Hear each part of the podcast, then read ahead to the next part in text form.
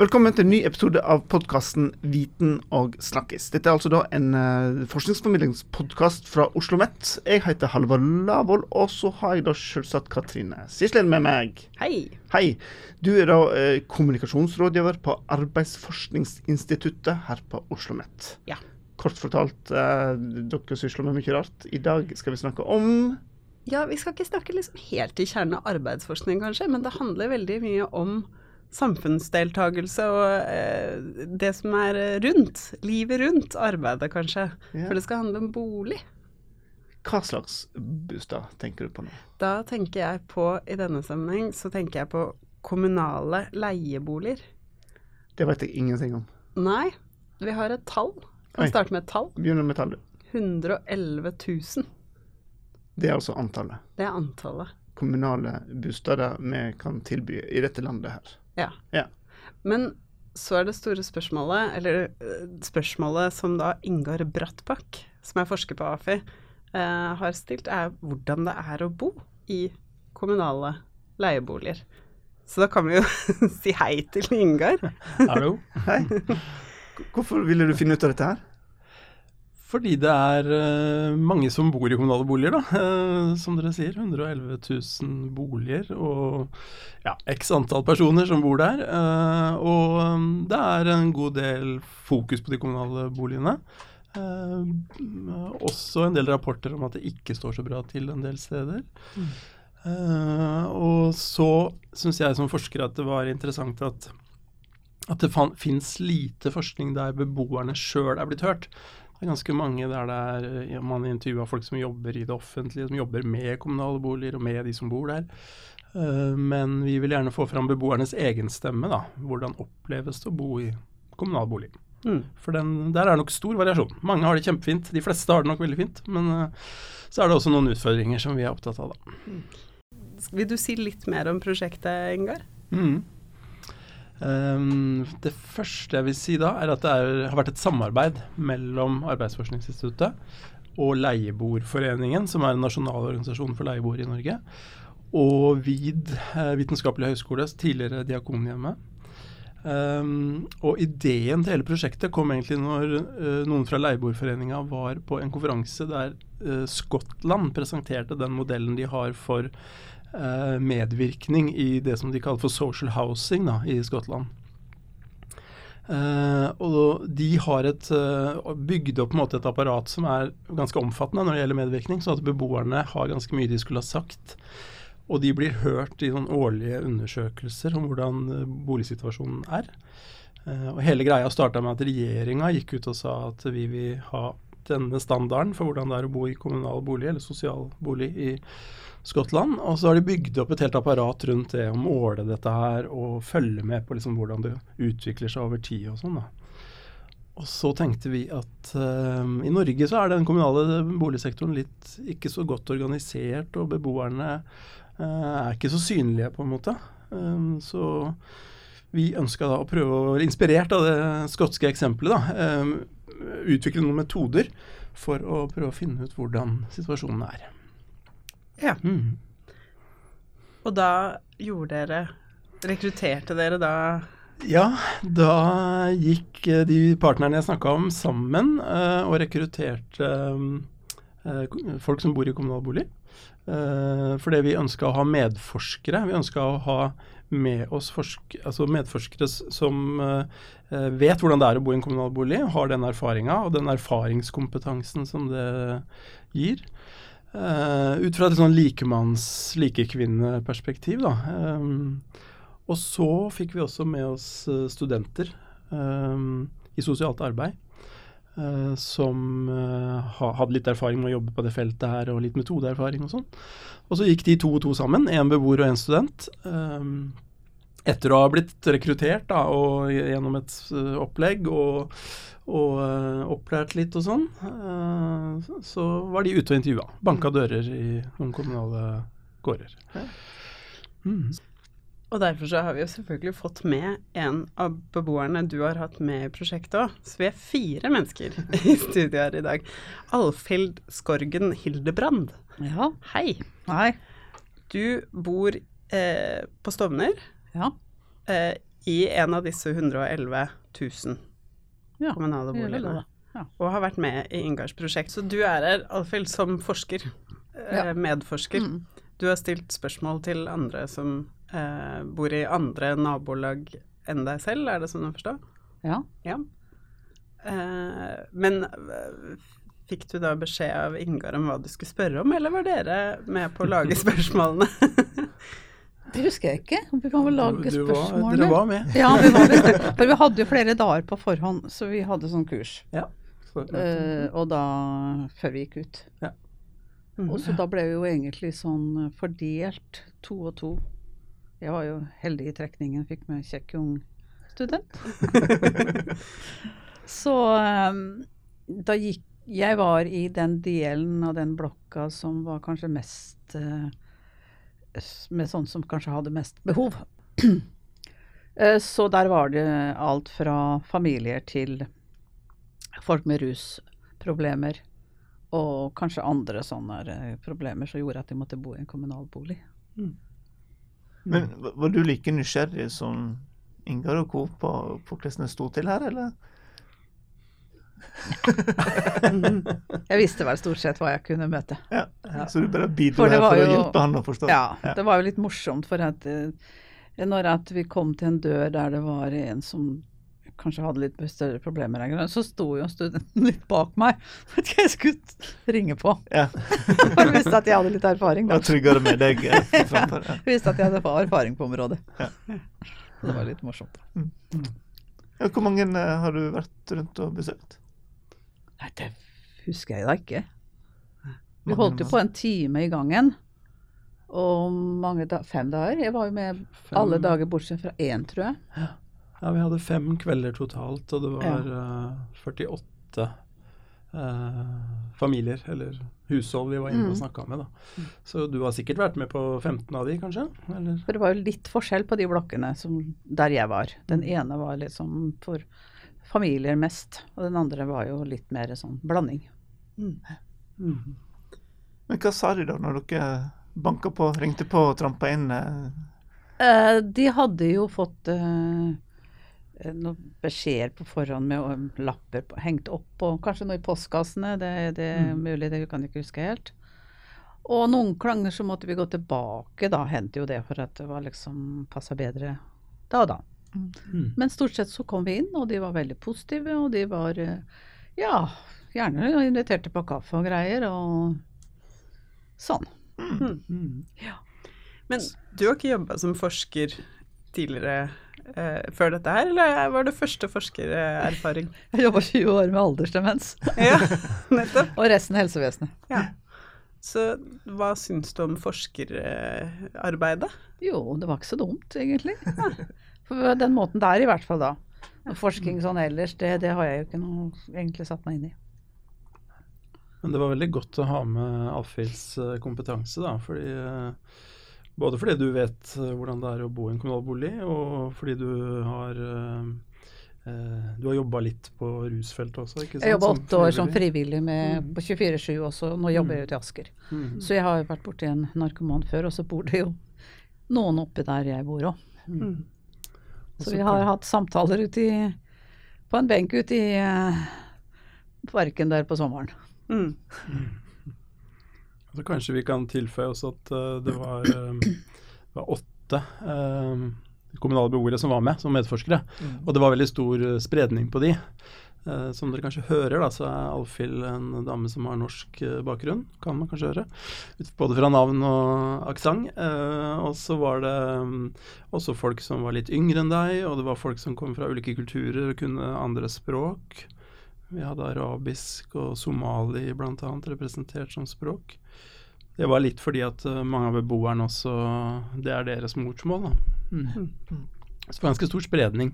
Egentlig både på beboere, de som var medforskere som var beboere, og de som var medforskere blant studentene. Så, mm. Og det var litt sånn bevisst for at vi eh, Det var viktig for oss at folk ville åpne døra og snakke med oss, da. Eh, og da er det jo viktig å liksom ha noen sånne gjenkjenningspunkter som gjør at kanskje det var litt lettere å takke ja til å bli intervjua. Mm. Det er litt invaderende å gå inn i folks hjem. Ja. Mm. Hvilke, hvilke episoder husker du best, liksom? Hvilke er det som, eh, som har festa Jeg måtte konsentrere et dødsfall, ja. Et dødsfall? På en uh, hamster. Du måtte konstatere et dødsfall på en hamster. Han var syk når jeg kom, og da hun stella veldig godt med noe Sjekka noe greier hele veien, men hun svarte på spørsmål. Ja. Så mens du intervjuet Unnskyld, det er veldig slemt å le. Mens du intervjuet eieren av hamsteren, så omkom hamsteren. På slutten, ja. Ja. Nå begynner jeg å bli litt sånn nysgjerrig på liksom, hva dere fant ut her. Men jeg vil ha et, et, et spørsmål til før vi kommer til liksom, funnet her. Mm. Hvor vanlig er det å, eh, som forsker å, å ta med på en måte de du forsker på, eh, Mm. med inn og drive forskningen?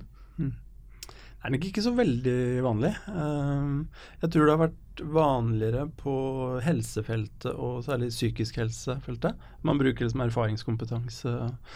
Eh, Men kanskje særlig på boligfeltet, som jeg jobber mye med, da, så har det vært eh, lite av det. Eh, ellers så har vi også andre prosjekter der vi jobber mer med ungdom og med, som medforskere. Eh, så det har vi en god del erfaring på, da, som var nyttig å ha med inn i det her. Mm. Spennende. Men uh, skal dere si litt om hva dere har funnet ut? Ja, uh, dette er jo først og fremst et pilotprosjekt når det gjelder metoder, men vi, vi kan gjerne si litt om hva vi fant. Eh, jeg kan jo si litt, så kan du si om du er enig, Alfie. Hovedinntrykket vårt da var at, um, at de var ganske fornøyd med selve boligen. Altså sånn standarden og størrelsen og sånn, selv om noen syntes de bodde litt trangt. Um, og så var det det som kanskje var mest sånn utfordrende, var nok knytta til en fellesområder og bomiljø til dels. Um, ja, det handler litt om at det kunne være litt utrygt å gå og kaste søpla nede i kjelleren og, og sånn. Ja. Mm. ja. Heisen var det også mye snakk om. Mm, At den var skummel, for at den bråkte veldig, for det første.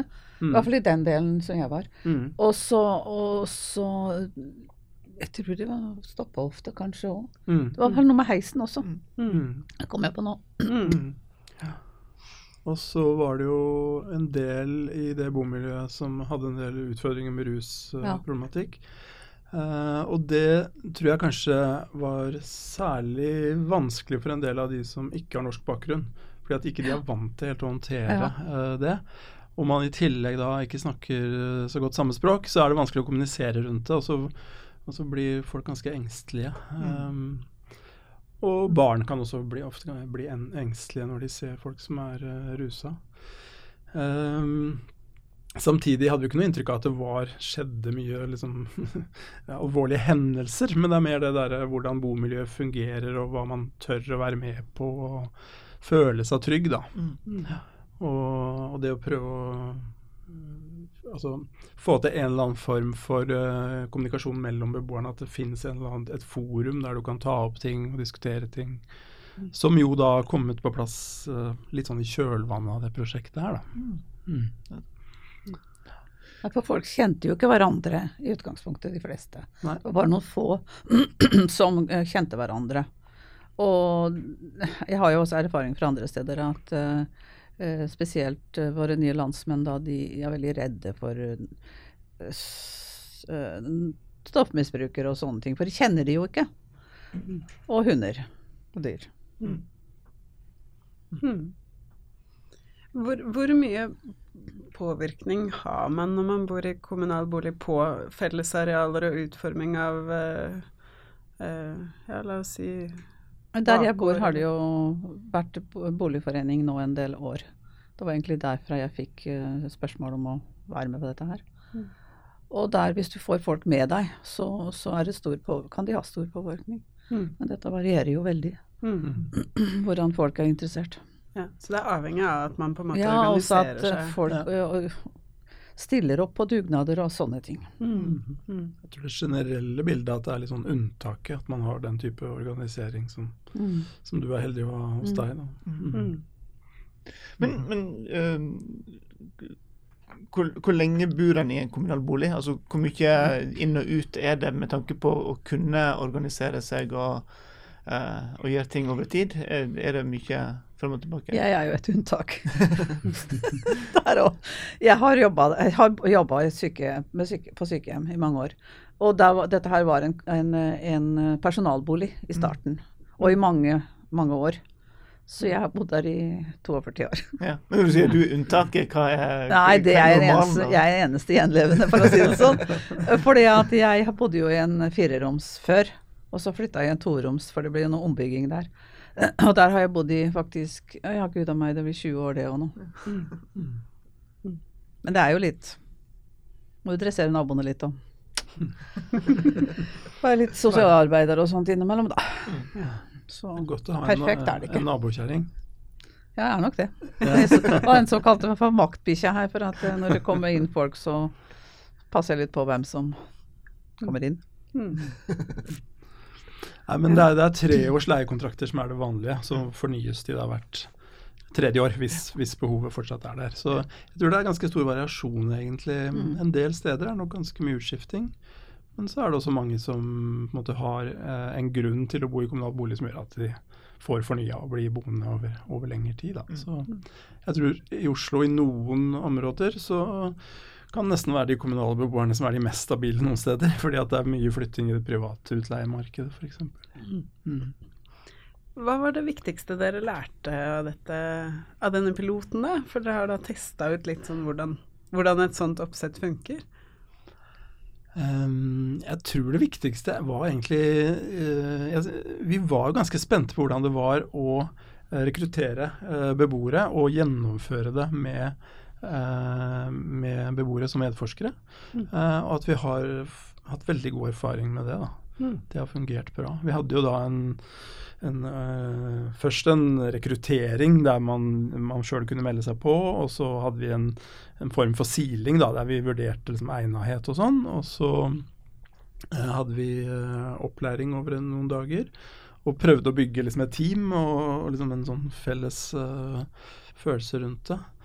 Eh, så jeg tror vel egentlig at det at, Og den kombinasjonen da, av studenter og um, kommunale beboere, at det, eh, det fungerte veldig bra. For jeg tror ute i, ute i felt, da, som vi sier, eh, når, når man intervjuer og sånn, så var det liksom greit å ha noen å støtte seg på. Og det gikk litt begge veier, litt sånn ut fra hva slags situasjon det var.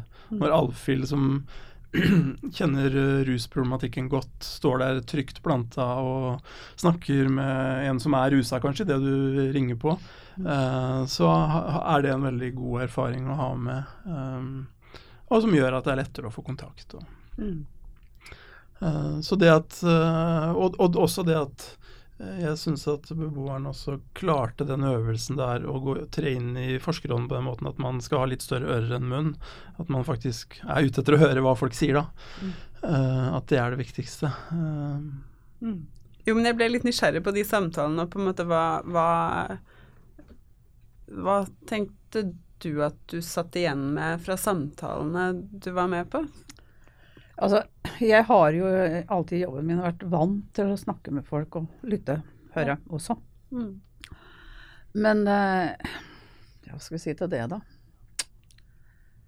Eh, Nei, jeg var overraska over at de var så positive og åpne for å fortelle. For de fortalte jo også litt på sidelinja.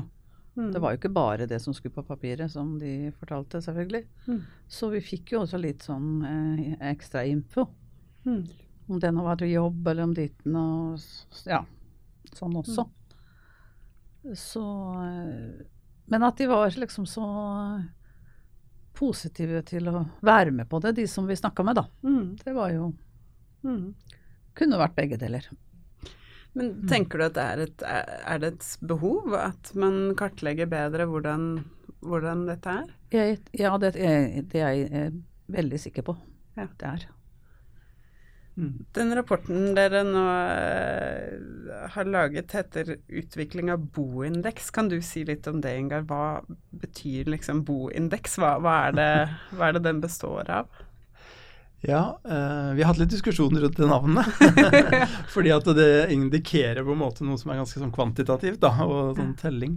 Og det er det også, men det, er, det, måte, det har begge elementene ved seg. Det her, da, både den gode samtalen som man får når man er ute, Men så ønsker vi også å samle inn informasjon som på en måte er så representativ som mulig. da, At vi får med da flest mulig.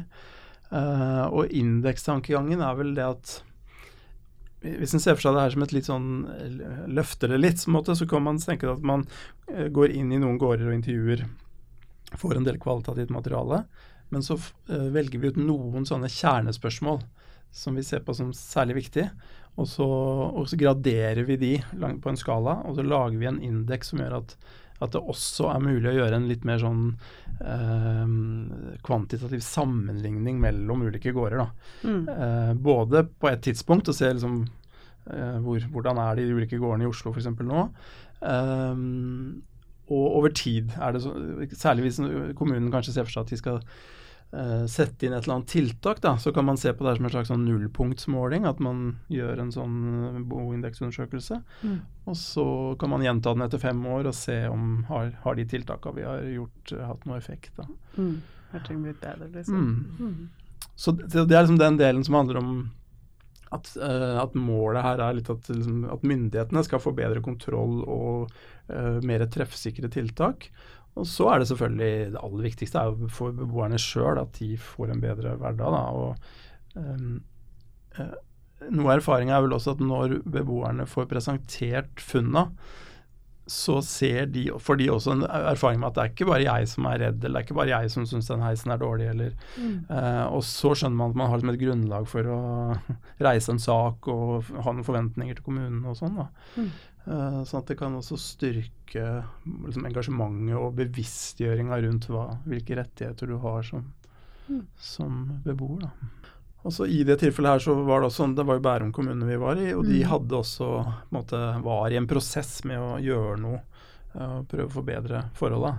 Uh, og Det er også en viktig del av at uh, måte, kommunen har et slags apparat for å ta imot de forventningene som kommer da, når man setter i gang noe sånn som det her. Uh, sånn at man Eh, ja, kan gjøre noe med det og kan bidra til å organisere beboerne. Og Der har jo også Leieboerforeninga i etterkant vært sentral ja. i, konkret på de, i de blokkene her. At de har uh, vært med å hjelpe til med å organisere beboerne. Nå har vi jo vært inne på flere ganger at Eh, at, det bor rusmisbrukere i, i, noen av disse kommunale boligene. Men, men, er det så dominerende som man lett kan få inntrykk av gjennom medier og sånn? Er det på en måte en så stor del av hverdagen i en kommunal bolig som man noen ganger tror? Hva tenker du? Ja, altså jeg mener at uh, det er for lettvint å bare putte en som har problemer psykisk og rus og sånn, inn i en kommunalbolig. Altså la han få bo der. Da må han ha oppfølging. Mm. Og det er for dårlig. Mm. Men, men uh, dere har, har dere målt på en måte positive sider ved Jeg tror det er ganske stor variasjon da, mm. i ulike kommunale gårder hvor mange som har, uh, har rusutfordringer. Uh, men jeg syns også det er viktig å si at uh, jeg vil egentlig si de fleste som har et eller annet rusproblem, er jo ikke noe problem for nabolaget sitt. Mm. De mange sitter mye inne, er ganske ensomme, ganske redde. Um, og så er det noen få sånn utagerende mm. tilfeller da, som på en måte kan være ubehagelige. Men, så det er viktig. Og så er det jo en annen viktig ting, og det er jo at det er ganske høy andel av minoriteter, etniske minoriteter i kommunale boliger. Gjerne barnefamilier. Mm. Uh, så det kan jo noen ganger være en litt sånn uheldig blanding. Og en av beboerne som vi intervjua, sa jo at hvordan skal vi bli integrert når vi blir plassert i en getto?